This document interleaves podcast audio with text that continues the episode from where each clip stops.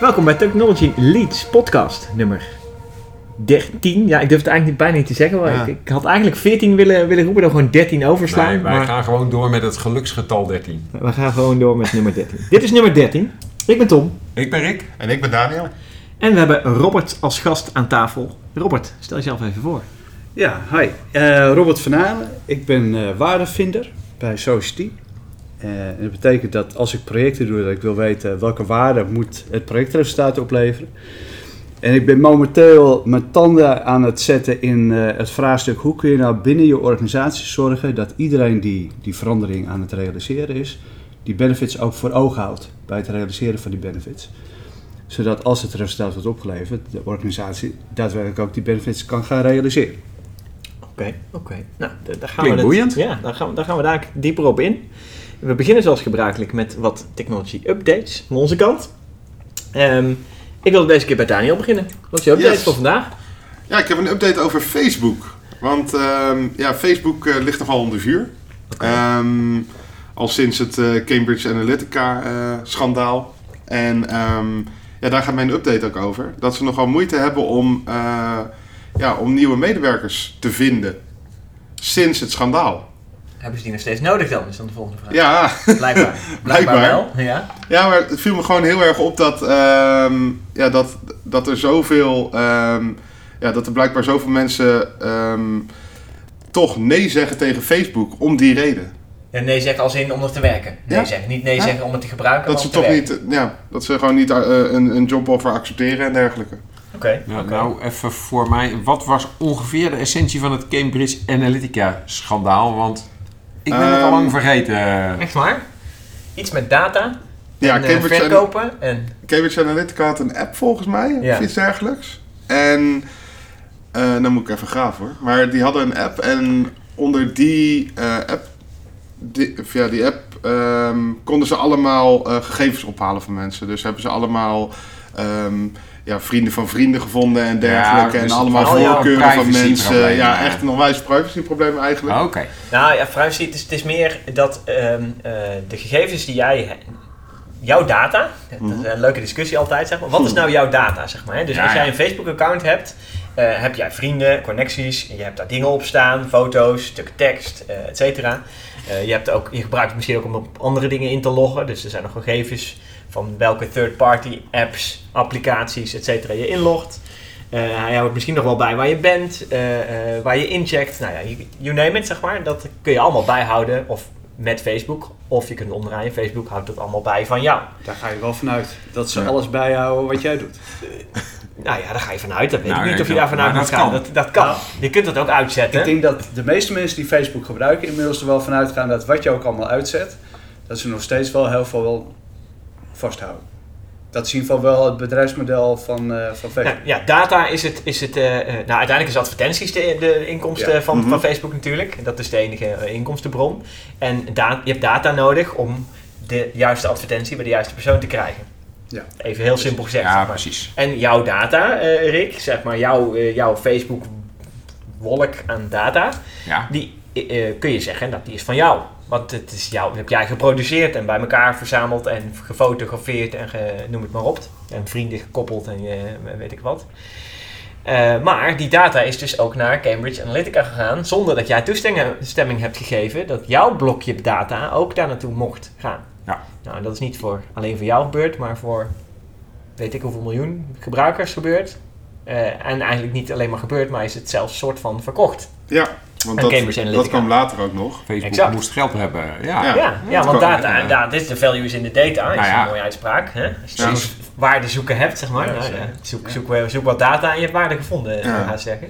En in de afgelopen maanden kwam dus naar buiten dat, Ja. dat dus dat hele Cambridge Analytica schandaal, dat was niet een op zichzelf staand iets, maar dat was dus inderdaad iets wat Facebook ging verkopen. Die hadden echt Ja. een propositie daarop, Ja, richting Ah, grote En- bedrijven. En, juist. En sindsdien zijn er toch heel veel mensen die denken: ja, maar voor zo'n toko wil ik toch niet meer werken. ja, Ja, eerst, eerst kreeg je de Ja. golf van mensen die weggingen bij Facebook.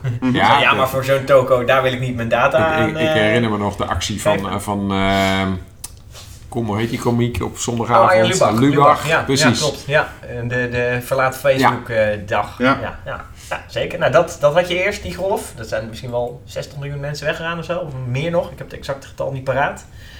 En nu heb je dus een, de mensen die willen werken voor Facebook. Die, eh, wat, hoe, nou, hoe hard neemt dat af dan? Zijn dat een paar minder? Of?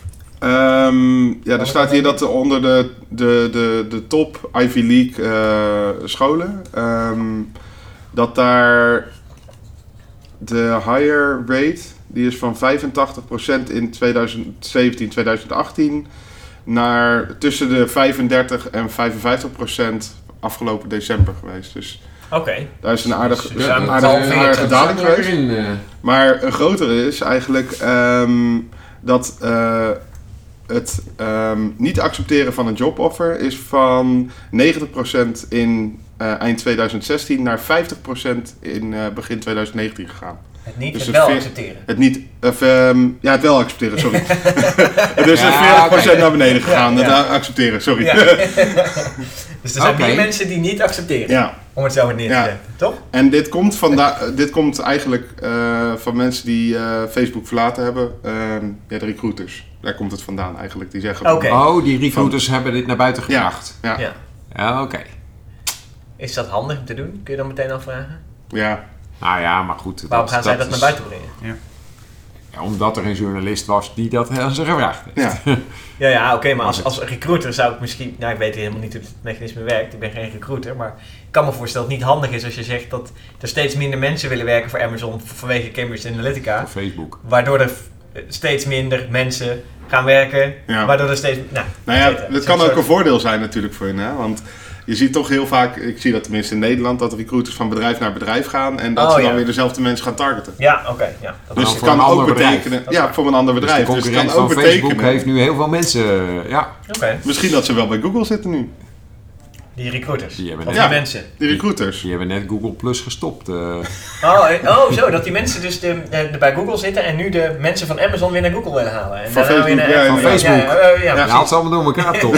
Volgens mij moeten we naar een volgend onderwerp. eh. naar- ja. Ja, het, het kan dus zijn dat, eh, dat ze daar dus ook eh, een beetje onrust proberen te stoken misschien. Om te zorgen dat ze succesvoller zijn. Dus het is wel een beetje een, een, ook een verhaal waarvan ik denk van... Oeh, dat kan ook wel een, een beetje een verkeerde inslag hebben. Ja, ja, ja. Maar nou, ik vond het in ieder geval heel interessant. Want ik ben wel ja, ergens ook wel blij dat er heel veel mensen zijn die zeggen van... ja, Facebook die doet gewoon niet oké dingen. En eh, daar moeten we ook gewoon eh, wat harder in gaan zijn. Nou, Want- het, het helpt Ja. in ieder geval om het besef groot bij steeds meer mensen te maken van joh, je moet wel ethisch bezig blijven.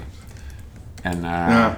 Dat, Dat is waar. de ethiek wordt best wel een heel issue. eh. Ja, wat Ja. ik hier dus zelf wel interessanter vind, hè, als waardevinder. Er is dus, ik ga er even vanuit dat Facebook het op orde heeft dat als zij zeggen van joh, we hebben een business case voor een project.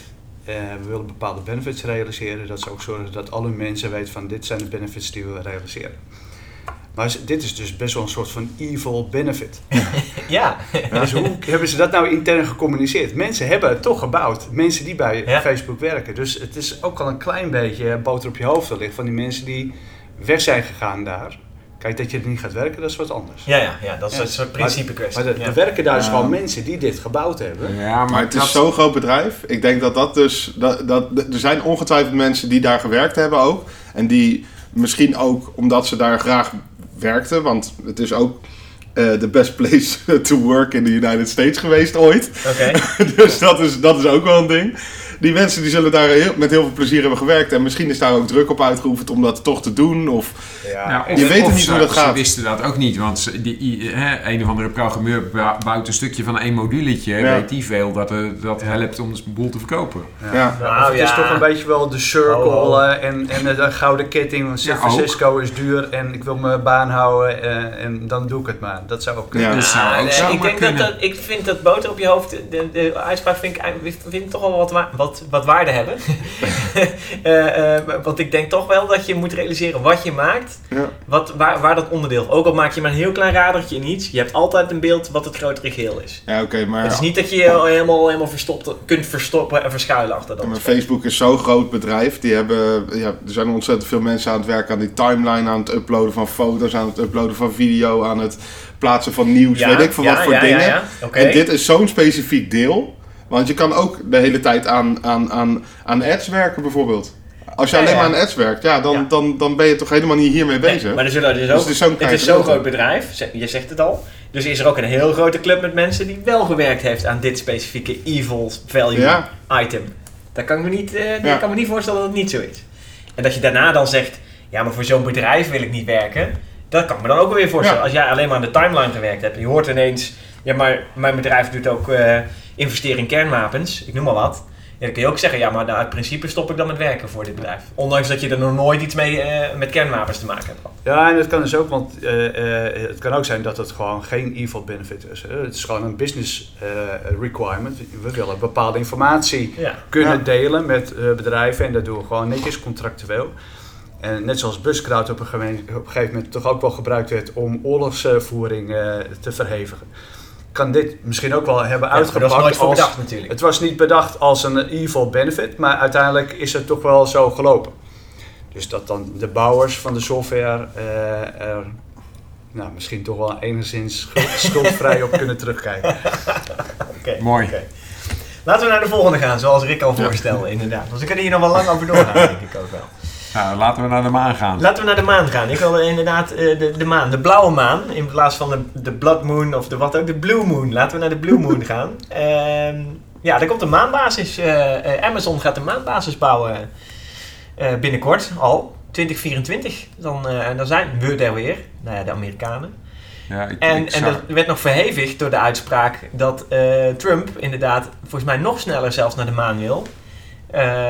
20 23 of zo, geloof ik, heb ik voorbij zien komen. Hm. Volgens mij vindt niemand dat erg als Trump morgen naar de maan gaat. Ja, ja, ja. ja, Moet hij daar wel blijven? Ik, ik, zag dit, ik had dit, dit item al eh, een tijdje geleden inderdaad, zag ik hem al langskomen, de Blue Moon. Dat is dus het maanproject van Amazon om, uh, maanbasis te gaan bouwen. Ja, wat, wat is het doel van Amazon? Want willen ze daar een nieuw pakhuis neerzetten? Of denken ze heel veel dingen... Ja, distributiecentrum. Te... Ja, Dat, eh, hè, precies. En als dan iemand niet thuis is, breng dan bij de buren. Dat is handig, ja. Ja. ja. of opslag. ja, ja, ja. Maar wat gaan ze er wel mee doen? Nee, nou ja, het past natuurlijk in de hele strategie zeg maar, van eh, Blue Origin. de, de bedrijf van eh, Bezos om ja, de ruimte in te gaan. Oh, Oké. Überhaupt. We hebben het in het verleden al een keer eerder over gehad. Mhm. dat, ja, Ja. Dat, we moeten de ruimte in, want ja, de aarde is te klein. We moeten space exploration. En soms zit er ook gewoon een stuk avontuur in. Et cetera. En in dat programma past een maanbasis. Omdat je dan een locatie in de ruimte hebt van waar je makkelijker naar Mars kunt gaan. Ja, precies. Het, Eigenlijk is het dat is het. Zo'n eigenlijk eh, gewoon een... Een hop. eh, Het is een hop. een hop, ja. Maar eh, wa- wa- wat ik grappig vond is eigenlijk, dit is sowieso gaaf nieuws, want we gaan weer op de maan dingen doen. Dat vind ik, ja, persoonlijk vind ik Ja, het gewoon leuk, en ruimtevaart en... eh, Heel lang geleden, hè? want het is dit jaar... 60? Nee, 69. 69. Het is dit jaar 50 jaar geleden. Binnenkort in Ja. eh, bioscoop documentaire over, Over- de Apollo 11. Exact. Oh. Originele exact. beelden. Ja, Dat gaaf. is geweldig. Gaaf, eh. daar ga ik wel heen. Dat ga ik wel zien inderdaad. Ja, dat lijkt Ja. me wel gaaf. Dus daar, vanuit dat oogpunt vond ik dit dus ook gaaf. Maar Ja. we gaan weer naar de maan. Eh, de Chinezen zitten aan de, de achterkant van de maan, hè? ja, Wat ook de voorkant gewoon is natuurlijk, maar... Die zitten aan de achterkant van de maan. van ons uitgezien blijft het de achterkant. Van ons uitgezien blijft dat de achterkant. Eh, maar eh, Trump heeft nu geroepen dat ze eh, ook weer een maanmissie gaan opstarten. En Oh. dat wij dus, wij, de Amerikanen, eh, 20, volgens mij 2023, het zou ook 2024 kunnen zijn, weer op de maan rond Ja. gaan lopen. En eigenlijk zitten we dus weer 50 jaar terug in de tijd. Maar gaat... We zijn weer met een ouderwetse maanrace bezig. Want dat ja, was toen ook, Oh hè? ja, ja. Maar gaat eh, NASA dat dan samen met SpaceX doen? Nee? Of gaat eh, met... eh, wat Nee. voor raketten gaan zij dat doen? Enterprise gaat dat doen? En, Amazon, wat heeft Amazon eigen raketten? Ja, Of, ja, ja, ze hebben eigen raketten, Oh, sowieso. oké. Eh, ze hebben een heel eigen mechanisme om eh, nou, omhoog te gaan. We zijn dus nu heel erg bezig met een, een goede landing te kunnen maken. Ze zijn natuurlijk net zoals dat, ehm eh, weet het, ehm, de SpaceX bezig is inderdaad met eh, hun eh, raketten weer terug te laten landen op aarde. Zijn hun, is, is Amazon nu bezig om te kijken hoe kun je nou goed landen op de maan. Dus hoe kun je nou je maanmodule veilig laten landen, zodat het ding niet eh, drie keer stuitert en eh nou, Wat is daar zo moeilijk aan? Want dat konden ze 50 jaar geleden ook al. Ja, nou dat is. Ja, dat, maar we hebben nu een iets groter object. Ik geloof dat. Oh, ze gaan een heel grote maanlander maken. eh, nou ja, dat wordt best wel een behoorlijk, eh, eh, dat is wel behoorlijk, weer leuk. behoorlijk ding, zeg maar, de, de ruimte ingeschoten. Dus je hebt een behoorlijk grote eh, ja, het, raket nodig om de lucht in te schieten. En er staan hele mooie plaatjes op de website van Blue Origin. ehm, waar, ehm, ja, waar, waar je ziet wat voor, wat voor dingen ze daar eh, neer willen gaan zetten. Met hun eigen eh, energiegenerator zit erin. Ehm, eh, ja, het is, het is een heel groot... Het is best een groot ding eigenlijk wat, Ja. ze, wat ze daar neer willen gaan zetten. En ehm, ja, ik denk dat het dus ja, nog best wel lastig is om die goed te laten landen. Ja, ja zonder, zonder problemen. En ja, aangezien we dat 15 jaar geleden gedaan hebben, wil niet zeggen dat het toen ook makkelijk was. Dus daar hebben ze er ook best een tijd over gedaan. En waar zit jullie enthousiasme voor dit eh, maanproject eh, in? Nou, het feit dat we, dat we daar weer mensen gaan rond. We hebben allemaal karretjes de ruimte ingestuurd gestuurd de afgelopen 50 jaar. En, Ja. eh, naar Mars en naar, naar allerlei andere plekken. En allerlei Voyagers die ondertussen de heliosfeer alweer uit zijn, zeg maar, rond laten vliegen. En daar allemaal dingen, data verzamelen. Maar de maan zijn maar één keer geweest. Echt. Dat is eigenlijk gek, want waarom zijn we daar niet vaker naartoe geweest? Is hartstikke dichtbij, naar verhouding. Maar ben ik, ben ik heel erg, misschien wel als projectmanager ben je altijd ook wel naar risico's aan het kijken. Ja. En risico is natuurlijk ook de flipside van de benefit, zou ik kunnen zeggen. Eh, maar Ja. de maan is best wel belangrijk voor het leven op aarde. Hè? Dus Ja. dat, hè, de, de, eb en vloed, ik noem maar iets. Ja, ja. Ehm, dus en, en dan eh, zijn we hier op aarde altijd een beetje argwanend als de Chinese dingen doen. met Zeker. Spionage. De Amerikanen die, die staan er ook niet altijd heel erg eh, eh, eh, netjes op. ja. En Amazon is toch wel ook een soort van Facebook. En eh, nou kunnen we wel zeggen van Amazon die is nog niet betrapt op dingen die bij Facebook misgaan. Maar wat we niet weten is, betekent niet per se dat ze altijd het juiste voor ogen hebben. Dus dan gaan dat soort partijen gaan op de maan die cruciaal is voor het leven op aarde. Dus is, zit daar niet een bepaald risico in? Nou ja, nou, Bommetjes testen. Bommetjes testen, ja. ja. Nou, dat risico zie ik niet zozeer, niet zo snel. Ja, ja, ja.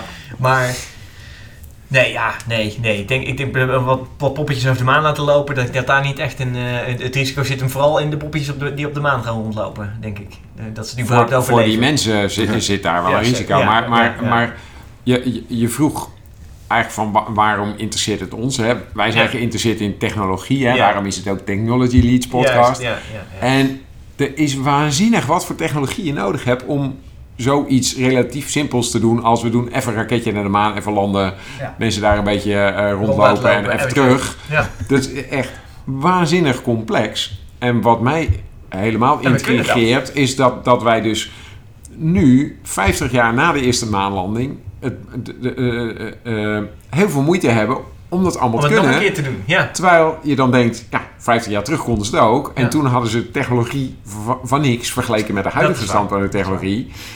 En dat is gewoon allemaal goed gegaan. Ja. En af en toe is het met een hangen en wurgen goed gegaan. Remember En soms Apollo is het ook 13. fout gegaan. Er zijn ook natuurlijk dingen ja, ik las laatst een klein stukje. Waarom vinden we dit interessant? We zijn natuurlijk wel een beetje spacegek. ja, Maar ik las laatst een stukje. Er zijn, rustig maar een beetje. er zijn meer astronauten in die tijd verongelukt tijdens hun woon-werkverkeer. Wat ze namelijk deden met T-38 straaljagers. Exact. Die hadden een straaljager voor hun woon-werkverkeer van Cape Canaveral naar Houston en terug. Ja, er zijn er meer verongelukt bij straaljagerongelukken dan bij Dan de- ruimteongelukken. Ja, dan de ruimte in te gaan. En weer terug. Ja, ik vond het overigens wel briljant. Woon-werkverkeer, ik pak even de straaljager. Ja, Ja, ja, ja. Ja, ja, ja, soms heb je dat nodig. maar dat, ja, het, zijn ook al, het zijn ook allemaal straaljagerpiloten. Daarom, ja, ja, ja zeker, zeker. Eh, de- maar ja, gewoon de technologie. Ik denk dat het vooral de tech is eh, die, Ja. die fascineert. eh, het is eh, en- zeker, zeker zeer fascinerend. Helemaal Ja. mee eens. Ja, Ja. Rick, wat is jouw eh Ja, item? en een heel ander, heel ander onderwerp. Ehm, ik kwam via hè, een collega maakte mij attent op een dame die heet Joy Buolamwini. Ja, Het is niet heel makkelijk uit te spreken. Ik hoop dat ik het goed doe. ja. Ik En niet, deze eh, Joy-. Deze Joy is een Amerikaanse dame, een Afro-Amerikaanse dame. En die is begonnen met haar eh, master. En haar master deed ze wat met eh, AI en met face recognition. Ja, En toen ging ze zelf voor de camera zitten. En dat face recognition algoritme reageerde niet. oh ja. Dus ze had zoiets van, hé, hey, eh, hmm, foutje in het algoritme misschien. Of in je Maar- camera. Ja, ja, kan ook. Techniek, camera. ja, ja. Dus, maar ze is daar verder naar gaan kijken. En toen is ze wat foto's ervoor gaan houden van bekende eh, Afro-Amerikaanse dames. En neem een Oprah Winfrey en eh, Michelle Obama en nog zo wat heel beroemd. En ofwel het algoritme herkende niet dat er een gezicht in beeld was... Ofwel het algoritme zei, ik zie een man en eh, Van van een vrouw. Ja. ja, terwijl het.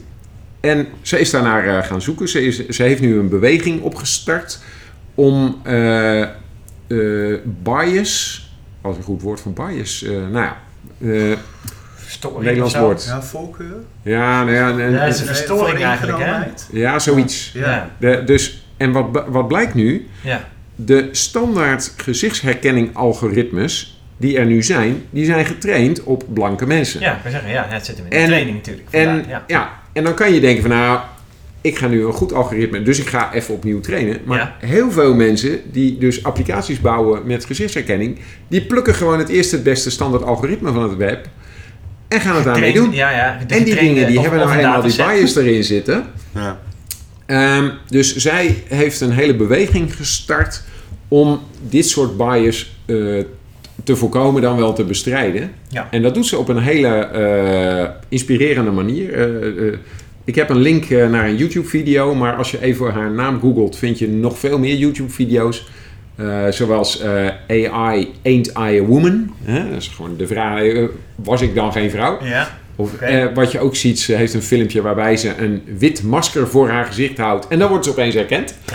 nou, dat is ook eh, tamelijk eh, eh, confronterend. En, en ja, dat zijn dingen waar je om te beginnen bewust van moet zijn. Dus dat is wat zij heel goed doet. Gewoon de bewustwording Ja, van, ah, denk even over na dat je misschien een algoritme hebt met een bias. Ja. En- maar, en- even, en- maar dan, eh, dit gaat niet om het algoritme, het gaat om de trainingdata. Het Ja. algoritme is, al, is Ja. wel goed. Hè? Ja, maar, er zijn helder natuurlijk houden. heel veel pre-trained algorithms. Nee, natuurlijk, natuurlijk. De- maar, dus- maar het gaat om de... Uiteindelijk is de data de bron Dat van klopt. de, de De- bias. helemaal en niet Die het selecteert de algoritme data. of- Nee, helemaal waar. De, gewoon de training, trainingsset is fout geweest. Juist. Maar heel veel mensen Ja. zijn gemakzuchtig en nee, nee, denken... tuurlijk, tuurlijk. Ja. Hè? Ik, dat is dit algoritme is een goed algoritme, dus we pakken hem. Ja, En, maar ik eh, wil even het onderscheid maken ja, tussen nee, algoritme en data. Want een algoritme is, is gewoon een mathematische functie. Ja, precies. Eh, het, in al- principe. het En algoritme is, is neutraal. Is neutraal, ja. die, die kijkt alleen maar wat stop je erin. Juist. En het netwerk wat je traint uiteindelijk is, heeft data nodig. En de data zorgt voor de bias. Ja. Of de data is biased, waardoor het ge- uiteindelijk getrainde algoritme, het netwerk wat eruit komt, gebiased is op, nou, in dit geval witte mannen of zo. Ja. Ja, Nou, maar bewustwording. Het het is aan het onderzoeken nu nog. Of, Nou, nee, zij heeft een beweging eh, gestart om dit tegen te gaan. Om mensen bewust te maken dat dit soort bias bestaat. Ja. En ook aan de gang te gaan van, en wat doe je er dan aan? Ja. Exact, Ja. exact, exact. Ja. Ehm, Ja, precies. Want het, en is, het, is- een van het de dingen... onderzoek is, is niet meer nodig, want het is al een, een conclusie, zeg maar, dat het zo is. Ja, de conclusie is er, maar Ja. hoe krijg je het voor elkaar dat Omdat dus weer, eh, ja, eh, dit, dit, dit verbeterd wordt? Ja. En voor Nou een ja, deel is het natuurlijk, betere wat jij zegt, gewoon even, even met je data aan de gang. Maar het is ook gewoon het besef bij mensen dat Ja, je niet gemakzuchtig moet zeggen, er is een pre-trained model en dat doet het. Ja. Nee, wat, wat wil je eigenlijk en Maar is het wel goed? hadden we dit niet al, dit, dit hadden we natuurlijk al lang kunnen ontdekken, dit fenomeen. Door, Natuurlijk. Ik kan me ook voorstellen dat als je een model in, eh, traint op eh, Aziatische personen, dat, het, dat die dan ook eh, Europeanen minder goed herkent. Ja, dat, datzelfde fenomeen zal er ook zijn. Dat, ja, oké, maar dat heeft nog nooit iemand ontdekt. Of niet, daar is nog geen... Ja, ik, Niemand ik tegen had wel, geageerd, ik. Nee, precies. Het is ook de manier waarop je een beweging start. En. Joy heeft, is, is het gelukt om een beweging Ja. op gang te krijgen. En Ja. ze heeft heel inspirerende eh, filmpjes en TEDx-talks. En, en eh, daarmee brengt ze wel eh, mensen aan het denken. Want, want het was Ja. al lang bekend dat bijvoorbeeld Facebook... die pochen altijd dat ze 97% van de gezichten herkennen. Ja, Dat is wel 97% van de blanke gezichten. ja, ja. Hè, want, eh, met anderen is het al een stuk minder. Ja. ja. Nou ja, daar zie je dus datzelfde probleem. Ah, Oké. Maar kom je dit eh, toch nog even... eh, je hebt eh, tegenwoordig dus ook eh face-herkenning om je apparaat te openen. Ja, Maar dan moet dat daar toch ook... Er moet toch heel veel uitval zijn dat... dat nee. dat nee. Het mooie daarvan is namelijk, Ja? daarvan, eh, die train je zelf. Want jij moet eerst je camera vijf keer voor je gezicht houden en dan drie keer zeggen, ja, dit ben ik, dit ben ik, dit ben ik. Ja. Dus dat is een, eh, een mooie variant van zogenaamd supervised learning. Namelijk, jij moet vertellen dat die data goed is. En dan leert hij daarvan. Dan moet je het nog een keer zeggen of die, ja, is hij goed? Ja, hij is goed. Nog een keer. Dus jij supervised het leerproces. Ja. Eh, eh, en of jij nou blank bent of zwart of Aziatisch of wat ook. Dat maakt niet uit, zeg maar. Want jij leert hem op de data, namelijk jou, eh, eh, te herkennen. En zou daar Maar- dan nog een optie bij zijn? eh, miljoenen mensen doen dat op hun eigen device. Ja. Om dat dan te bundelen. Dan krijg je natuurlijk wel een privacy dingetje. Ja, maar als je dat Maar waarom zou je dat willen bundelen? Nou, dan om heb de je wereld, mooi, om, om de, de, de Nou, dan heb je een- van de, in de wereld. oké. te- te Worldwide sponsoren. Facebook Ja, nee, maar het, het grappige hiervan is juist dat hij... Ja. Je, je leert hem gewoon heel specifiek één gezicht. Alleen die, Ja. die software moet zo zijn dat hij wel eh, verschillen kan zien. Dat hij dus een ander gezicht dan niet herkent. Ja.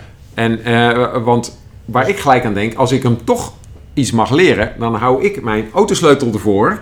Ja. En wie ook dan zijn gezicht ervoor houdt, die komt er sowieso nooit in. Maar, maar alleen ja, iemand die eenzelfde auto heeft, wordt natuurlijk, die komt er wel in. Dus je moet even oppassen. Ja, maar in dit geval face recognition. Ja, goed, er zitten even meer details aan. Hij- Hij, hij zal wel dat zeggen- een gezicht een gezicht is. Precies. Hè? Je moet in ieder geval een paar ogen erop hebben zitten. Ja. En, eh, Ja. ja. Dat is waar. Maar dat is wel een, mm, een leuk testje. Een keer uitproberen. Of het ook met een bekertje werkt of zo. Ja. Waar je een poppetje op hebt getekend. Ja, Gezicht. stickfigure. Op een stickfigure. ja, nee, of dat je gewoon je teddybeer meeneemt. Ja. En dan, eh, alleen die, dat, dat was de enige manier om je telefoon te unlocken. Ja, dat lijkt me een goed idee. nou, blanke Oh, ja, teddybeer. ja, ja. Ja, vind je maar eens. Ja. Goed man. Mooi. Geweldig. Nou, in ieder geval, eh, als het je interesseert, kijk op het YouTube filmpje. En, eh, Ja, Precies. super interessant. Inderdaad, inderdaad. Nou, eh, eh, genoeg eh, tech nieuws items eh, zou ik zeggen. Laten we wat verder gaan kijken naar het onderwerp waarom we Robert hier hebben. de waarde.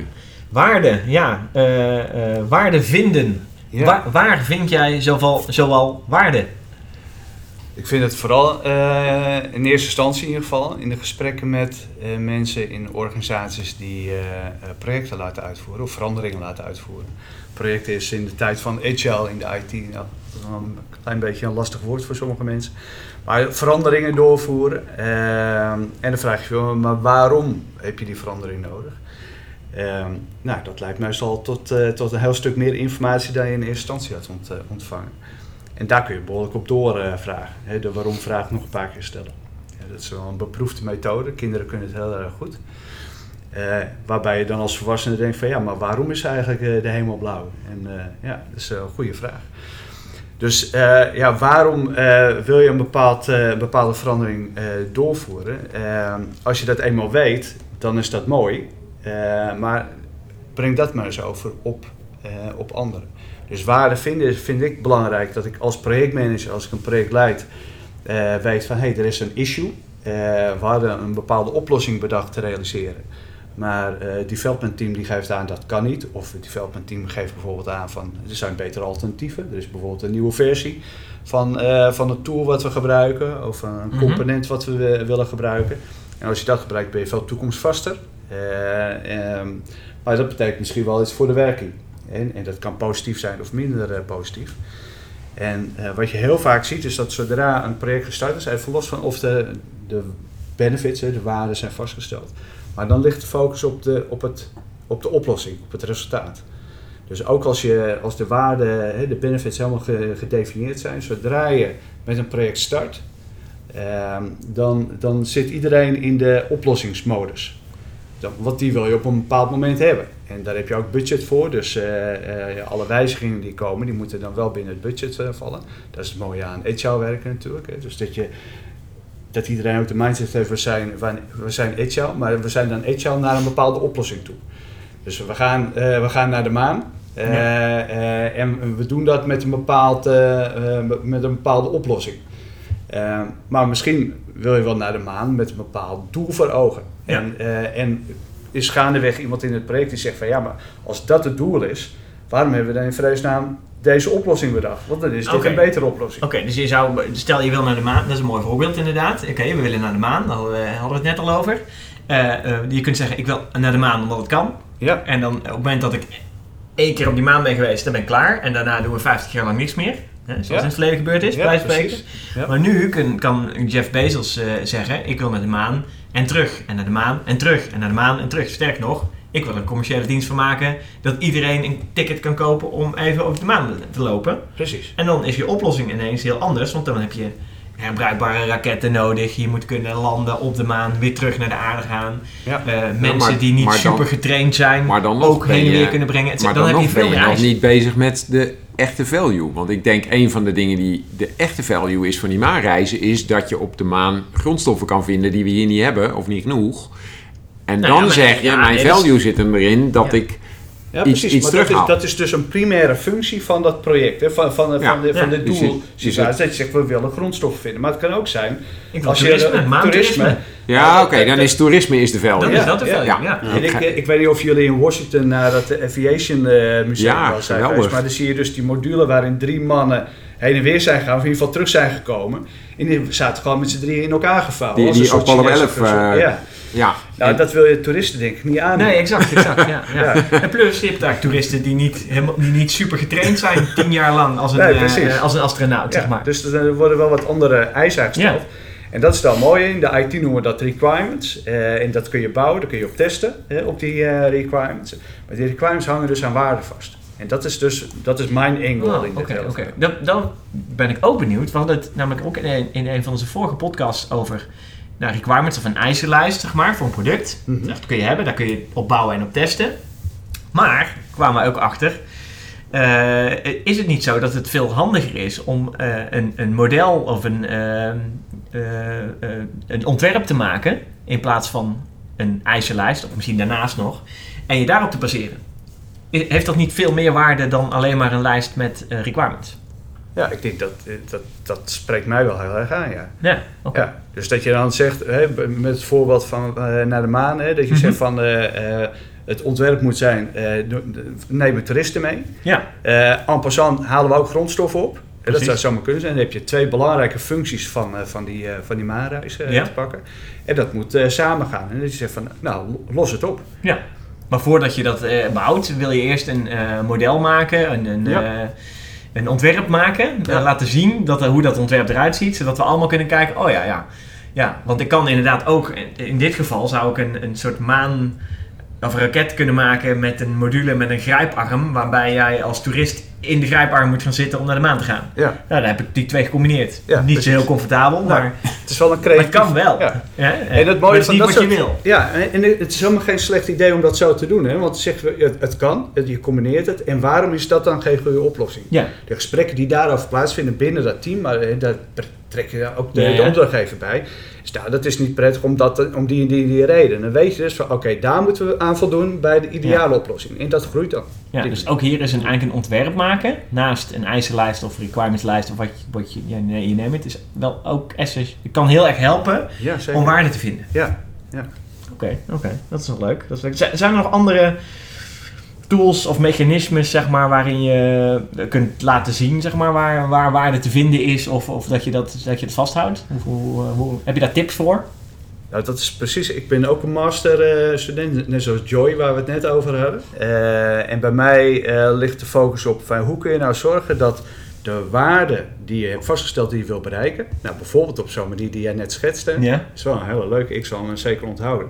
Hoe kun je dat overbrengen op de mensen die daar eh, die het echt gaan realiseren? Oh ja. En ja. op de mensen die het uite- uiteindelijk gaan gebruiken. Want je kan iets realiseren. Ja, We hadden het net over met Facebook. Wat gewoon een, eh, een, een, een contract is met, eh, met andere partijen dat je data-uitwisseling doet. Maar dan kun je ook soms even de evil eh, afslag nemen. En eh, eh, nou ja, dat, dat, dat kun je niet helemaal, Oh, helemaal dus- voorzien. Dus is er ook, nou dan ga ik even vanuit dat jij de goede waardevinder bent. Zijn er ook evil counterparts van jou? Nou, je hebt sowieso De benefits. evil waardevinders? Ja, nou, ongetwijfeld, ongetwijfeld. Ja, wat je, wat- wat- dat, ik, ik ken ze niet, uiteraard want die zitten niet in mijn vriendenkring. Tuurlijk, ik. Althans, voor zover ik weet. Ja. Ja. misschien zijn ze wel heel goed om dat eh, te verhullen. Ehm, ja, wat je, je hebt natuurlijk een benefits en disbenefits. Als je heel eerlijk bent en, eh, en je creëert een verandering, nu doen we het zo, straks doen we het zo, Ja? dan, dan is iedereen altijd geneigd om eh, alles wat, wat, wat, nou, alles wat, wat een, een benefit is, wat, wat beter wordt, om dat te highlighten. Maar er zullen ongetwijfeld ook dingen zijn die minder goed gaan. De dark side. Ja, precies. dark En, side, en je dus moet kijken naar de balans. Ja, kijk, het kan best wel zijn, bijvoorbeeld het en- wordt veel duurder. Dat is even een makkelijk. Oh ja. hè? Dus de total cost of ownership voor de organisatie Ja, gaat ja. enorm omhoog. Oké. Dat, dat, dat moet je wel even benoemen. Hè, dus Ja. je moet niet alleen benoemen van eh, eh, dit is de, de, de positive side eh, of things. De dark side of the moon, in dit geval. Dark side of the moon. Ja, Ja, ja. En, en, en de interactie tussen misschien wel verschillende flauw, projecten. Nee, ik, ik ben enorm Pink Floyd fan. Dus, Ja, eh, oké, oké, oké. Ja, Sorry, Rick, eh, ja, Rick, jij wou het zeggen. Ja, en de, en de interactie tussen projecten. Want soms heb je dat. Je, je- ik kwam dat laatst in, in eh, een, een situatie bij een eh, organisatie tegen. Eh, er was een project en dat wilde iets. En die konden hard maken dat ze daarmee 10.000 euro gingen verdienen. Ja. En een ander project zei: Ja, als jullie dat gaan doen, dan belemmer je ons en dan verliezen wij een ton. ja. Ja. Ja, waarop een, de, uiteindelijk de directeur natuurlijk zei: 10.000, een ton. Ah, pff, ik weet wel wat de keuze is. Maar dan moet je wel eerst die waarde Ja. hard gemaakt hebben. Die Ja, even inzichtelijk. En, eh, helemaal mee eens. En dat is precies waarom ik in mijn, eh, in mijn eh, thesis eh, research eh, de link ga leggen met portfolio management. Hè, portfolio is, eh, daar, daar bekijk je alle projecten voor de organisatie of om- voor een deel van de organisatie.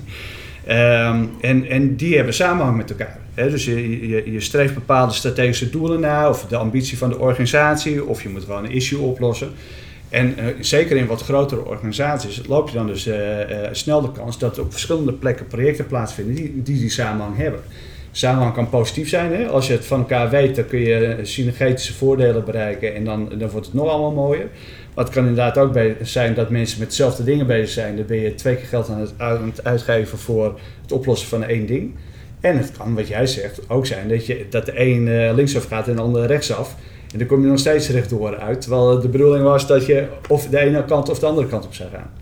Ja. Ehm, dus, dus, eh, eh, dus, dus mijn linkje is nou eh, portfolio management level. Mhm. Ehm, en en ja, welke tools zijn er nou voor? Ja. Dat, Oh ja, ja. dus, en dat, dat Ja. is precies wat ik wil onderzoeken met mijn research. Dus ik begin met te bevragen van joh, hebben jullie daar al tools voor om, om die waarde te capturen en, en, en communiceerbaar te maken en ook te monitoren, wordt het gerealiseerd? Ja. En tot nu toe eh, eh, de, de, eh, krijg ik als feedback eh, dat, dat een hele grote wens is van organisaties. Mhm. En binnen die organisatie, zeker van de portfolio managers. En dat daar nog niet het, het gouden ei voor bestaat. En dan kan het ook zijn doordat heel veel organisaties toch wel net ietsje van elkaar verschillen. Maar mijn onderzoek gaat er dus op gericht zijn. Ja, pak één of twee tools die heel erg aantrekkelijk zijn voor een groot aantal portfolio managers van verschillende organisaties. Ja. En probeer het uit. Kijk, kijk, eh, kijken wat levert het op. Wat zijn voorbeelden van, tool, van dat soort tools? Wat, waar moet ik dan aan denken? Frameworks, dingen, vendors, wat ook. Nou, eh, om, om de benefits vast te leggen, Ja. heb je dus bijvoorbeeld nou, een business case. In de, benef- eh, in, in de business case heb je, eh, heb je een aantal technieken die je kunt gebruiken. Dat zijn visualisatietechnieken. Bijvoorbeeld een benefits map is een hele veel voorkomende. Ja. En dan heb je dat vastgelegd. Oké. Dit zijn de benefits. En dan beschrijf je die benefits en voor wie dat de benefits zijn, voor welke stakeholders. Ah ja, ja. Oké, want even, je, had het over tools en ik zie Tom al als eh, technisch georiënteerd Ja, ja, ja, en al denken Ja, aan ja. allerlei automatische dingetjes. Ja, maar ja, ja, ja. jij bedoelt gewoon een pen en papier is ook een tool. Ja, ik geef Nou, een vrij een, een, template van, een, van zo'n map, zeg maar. Dat kan Ja. me ook voorstellen dat dat je tool is om dat mee Ja, vast de te leggen. tooling in de, in de projectensfeer is meestal Excel en, en PowerPoint. Ja, oké. Ja, dus. Maar, maar, Nee, maar daar- maar zo'n dus- value map is een Ja. format dat je gebruikt. Daarbinnen Dus een gestructureerd Ja. format Ja. Waarmee je dit Ja, soort maar dingen dat, in kaart dat, brengt. dat is dan en je dat tool. is je tool. Ja. Alleen Nee, het is niet zo van je drukt op de knop en hij is klaar. Nee, je moet Nee, nee, zelf nee, wel nee, dat even... snap dat snap Nee, maar ja. wat wel heel mooi zou zijn. Kijk, eh, eh, veel organisaties zullen toch wel aan performance management doen. En een benefit is het verschil tussen de performance nu en de performance na de verandering. Oké.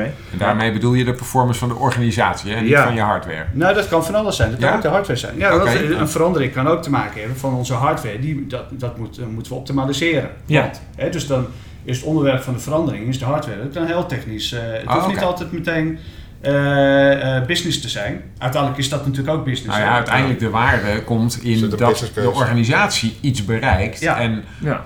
maar als je hardware performance een probleem is waardoor je die waarde niet haalt, dan ga je dat oplossen. Ja, precies. Ja. Maar het- En, en stel nou dat je dat meet en je, dat je daar data van hebt. En, bijvoorbeeld vanuit catering kijken we vanuit Society ook naar. Dus met ketenregie monitor je de, de performance van een keten, de dingen die in de keten gebeuren. Het kan een IT-keten zijn, maar het kan ook een business-keten zijn. Eh, maakt even Of, nu of een tech-item, dit kan Ja. er ook in zitten, zeg Ja, maar. dat Een zit hardware, in- Ja, whatever. Ja, Ja, dus er zit in die IT-keten zit een tech-item en eh iedereen, alle techers, eh, eh, eh, eh, IT'ers die zijn er super enthousiast over. Maar het moet wel eh, dat doengene doen wat het, waar het voor bedoeld is. Ja. Dat meet je, dat monitor je, die data heb je. Exact. Op het ja. moment dat jij dus de verandering doorvoert, zou het wel heel mooi zijn. Als je ook ziet dat het impact heeft. Ja, dus dat je misschien al gaandeweg het eh verandertraject, dat je zegt van joh, we, we doen het via een CI/CD-pipeline. Mhm. We deployen dagelijks en we zien gewoon dat de beoogde performance, dat we die nu al bereikt hebben na drie sprints. Maar dan moet je wel blijven meten. Dan moet je blijven meten. En nou, dat heb ik, dus hoe we er nu over praten, dat klinkt fantastisch. En ik denk Ja. dat het ook wel een mooie stip op de horizon is van een soort van we gaan vliegen naar de maan. Ja, ja. Eh, en, eh, en, en dan is het van hoe ga je dat bereiken? Nou, er zullen misschien wat tussenstappen in, eh, eh, in nodig zijn. Oké, oké. Maar Ja. blijven meten is dus wel een belangrijk ding. Want het kan wel één keer iets meten en weten waar ik nu sta en dan een stip op de horizon neerzetten. Maar je Ja. wil monitoren, dus moet je blijven meten. Om Ja. dan te zien Ja. of je route erheen wel goed verloopt. Ja. En of je snel genoeg gaat of te langzaam of misschien ook wel mee stoppen. Ja, Want het kan zomaar zijn dat je waarde helemaal niet bereikt. nee, dat klopt. We hadden het net over testen. Ik heb vroeger ook eh, een aantal jaren in het testvak gezeten. Dus dat vind ik Mooi. wel mooi, eh, omdat we het net over hadden. En met testen doe je ook regressietesten. Mhm. Ehm, en regressietesten, die, die voer je uit om vast te stellen dat de functionaliteit bijvoorbeeld nog steeds is wat het hoort te zijn. En bovenop eh, heb je dan nieuwe functionaliteit gebouwd. Ja. Dat is ook blijven meten. Ja. Nou, dat kun je volgens mij automatiseren. Mhm. Ik weet niet hoeveel dat al gebeurt eh, vandaag de dag. Eh, Veel. Veel, maar nou, kan, veel. kan altijd meer. je kan Ja. altijd meer, maar dat is dus een voorbeeld. Ja. Hè, dus dan, dan op die manier zou, dus een, eh, zou dat een, eh, een drill down kunnen zijn in het onderzoek wat ik doe. Dat je op portfolio niveau zegt van dit, is, eh, dit zijn de benefits die we willen realiseren. Oké. Dat je het koppelt aan je performance management in je organisatie. Ja. Maar wat je daarvoor nodig hebt is een stuk software. In een stuk software, daar doe je testen op. Ja. En die testen, daar doe je ook regressietesten Ja, op. En dan zou het dus gekoppeld moeten zijn aan de, de, de functionaliteit die je test. Moet gekoppeld zijn aan de benefits. Of Ja, de waarde, performance ja, die... eh, ja, ja. Oké, je vertaalt het tussen Maar- een hele concrete actie en een, en een uitvoerende activiteit. In dit geval het uitvoeren van een Ja. regressietest. Waar Maar het getalletje uitkomt. Maar, zoals Ja. jij het schrijft, wil ik dan de parallel nog wel even doortrekken. En dan denk ik weer even aan testing in de digital age. Want je, je gaat testen, daar komt informatie uit. Je blijft monitoren terwijl het live is, daar komt ook informatie uit. En je gaat AI gebruiken om te gaan voorspellen welke kant het op gaat. En dan ben je niet alleen bezig met eh, quality forecasting, maar misschien zelfs wel met value forecasting. Dat je ook kan gaan meten van gaan we de goede kant uit met die gebruikswaarden en die, die Ja, als je businesswaarden. trends gaat proberen te voorspellen. Ja, Of zo. En, eh, nou ja, je gaat forecasten. Als we op deze manier doorgaan, gaan we onze businesswaarden niet halen. Oh, zo, ja, ja. Dus ja, ja. Wat, wat moeten we daaraan doen? Want je kan een perfect werkend systeem hebben. Alleen, het levert nog steeds die businesswaarden niet op. Ja, of niet genoeg op. Ja. En wat jij nu zegt is wat mij betreft cirkeltje rond wat betreft agile werken. Want met agile Ja. werken wil je dus die windbaarheid hebben. Juist omdat je die business value wil realiseren. En daar bouw je een oplossing voor. Oké. En dan met je- wat jij nu zegt, dan heb je dat linkje gemaakt. En dan Ja. zeg je van oké, we gaan een stukje naar links of een stukje naar rechts. Omdat we door metingen weten dat als we rechtdoor blijven gaan, dan komen we er niet. Ja, precies. Maar, En met die voorspelling kun je bijna zelfs al de richting aangeven die je wel moet nemen. Ja, maar dan kom je ook op het punt dat je dus aan diverse voorwaarden moet voldoen om dit überhaupt ingericht te krijgen. Ja. En, en dan zul jij dus waarschijnlijk ook regelmatig tegenaan lopen dat een organisatie die roept, ja, businesswaarde is hartstikke goed, dat willen wij ook allemaal. En dat jij dan zegt van, oh, en heb je deze meting? En zeggen, nee, dat houden we nooit bij. Dat is te veel werk. Ja, Ja. ja. Nee, wacht even. Jij wil weten of je op de goede weg bent. Dan moet je dat wel even bijhouden. Ja, klopt. Maar ik kom ook uit de tijd dat heel veel organisaties nog niet aan software testen deden. En Zo'n 25 jaar geleden. En toen kwam er een boek. Is, dat, is dat uit de tijd van de ponskaarten misschien? Nee, dit is al tien jaar later. Oh, oké, oké. Nee, oké. Nee, ik moest het toch even weer laten vallen. Ja, die nee, ponskaarten, dankjewel, omdat we maar elke het- aflevering dat een keer terug Ja, laten komen. ja, was al wel geboren. in je hoeft er ook, je hoeft er ook geen running gag van te maken. Oh, oké. Maar goed, even terug. Je wou, eh, je wou er naartoe dat opeens testen. eh, Ja, toen kwam het boek Teammap, eh, waardoor iedereen ook gewoon wist van zo doe je dat. En, eh, en, en binnen een paar jaar was het echt wel heel raar als je niet aan software testen deed op een serieuze manier. En dat is eigenlijk het punt wat jij nu maakt van worden, worden die, die dingen wel gemeten? Nou, Mm. nog niet altijd. Mhm. Op het moment dat het kwartje definitief valt van zo kan het. En het is gewoon belangrijk voor onze organisatie om dat te doen. Als een paar organisaties, organisaties dat gaan doen en, eh, en ze vergroten hun concurrentiepositie eh, radicaal daardoor, ik noem maar wat, Mhm. dan gaan heel veel organisaties eh, dat volgen. Dus als inderdaad Amazon als eerste op de maan komt, hierdoor Ja, om een eh, toeristische eh, tak op te zetten om eh, een bezoekje aan de maan te maken, dan Ja. eh, kan zomaar Facebook en de rest volgen. en het zou me ook niet verbazen als er nu start-ups eh, zijn die dat op deze manier al gaan doen. Ja. Die dus eh, heel veel data ver- eh, verzamelen over performance en de benefits die, die daardoor eh, ontstaan. En, eh, en over vijf jaar of tien jaar de nieuwe Amazons van deze wereld zijn. Oké. Maar je gaat nu aan een onderzoek eh, beginnen. En hoe lang ben je daarmee bezig? Nou, ik schat in doorlooptijd een jaar. Oké. Eh, dus eh, volgend jaar voor de zomer moet dat eh, gerealiseerd zijn. En wat wil En je dan- voor stappen verder nog gaan doen? Want ik, ik neem aan, er, er komt wat uit. Je, je hebt technieken, tools, mechanismen ehm, die je kan gebruiken. Ja. En dan waarschijnlijk wil je ook projecten ermee gaan doen. En wil je dan een soort van groepje om je heen verzamelen die allemaal dit, ja, het, de uitkomsten van de onderzoeken kunnen gaan eh, implementeren bij klanten bijvoorbeeld. Ja, ja, precies. We zijn al bezig met portfolio management om klanten te helpen dat te implementeren. Mhm. Nou, dit zou er natuurlijk fantastisch in passen. Ja, Maar dit past ook in eh, hoe doe je projecten. ja. Ja. Gaaf. Cool. Ja. Leuke stappen. Ja, zeker. Ja, en het, dus nou, ja, dat- het lijkt me goed om... eh, Nou, minimaal moeten we over, over jou over een jaar weer spreken, zeg Ja. als je klaar bent Ik kom eh, graag eh, weer. met je, Ja. met je Ja. onderzoek. En eh, eh, dan neem ik aan dat je je master ook afrondt daarmee. Ja, Ja, oké, Ja. gaaf. Nou, kijk. Ja. Nou, ik zou Misschien, zeggen... ja, misschien wel mooi om eh, als je een project hebt, dat je dan eh, kan eh, laten merken van eh, Ja. ja, wat zijn je eerste ervaringen ermee? Hoe, hoe kom je achter die benefits en dergelijke? En wat zijn je lessons learned? Dat is denk ik ook wel heel erg interessant. ja, zeker. Mooi tussentijdse update. Ja, mooi. Dus komen we volgend jaar weer op terug. Ja, Zeker. Nou, succes de, de komende tijd met je onderzoek. Dankjewel. Ja. Tot volgend jaar. Ja. Eh, daarmee ronden we deze podcast ook mooi eh, af, zou ik zeggen. Dus eh, luisteraars bedankt. En Ja. eh, ik zou zeggen tot de volgende podcast. Yes. Dankjewel. Tot ziens.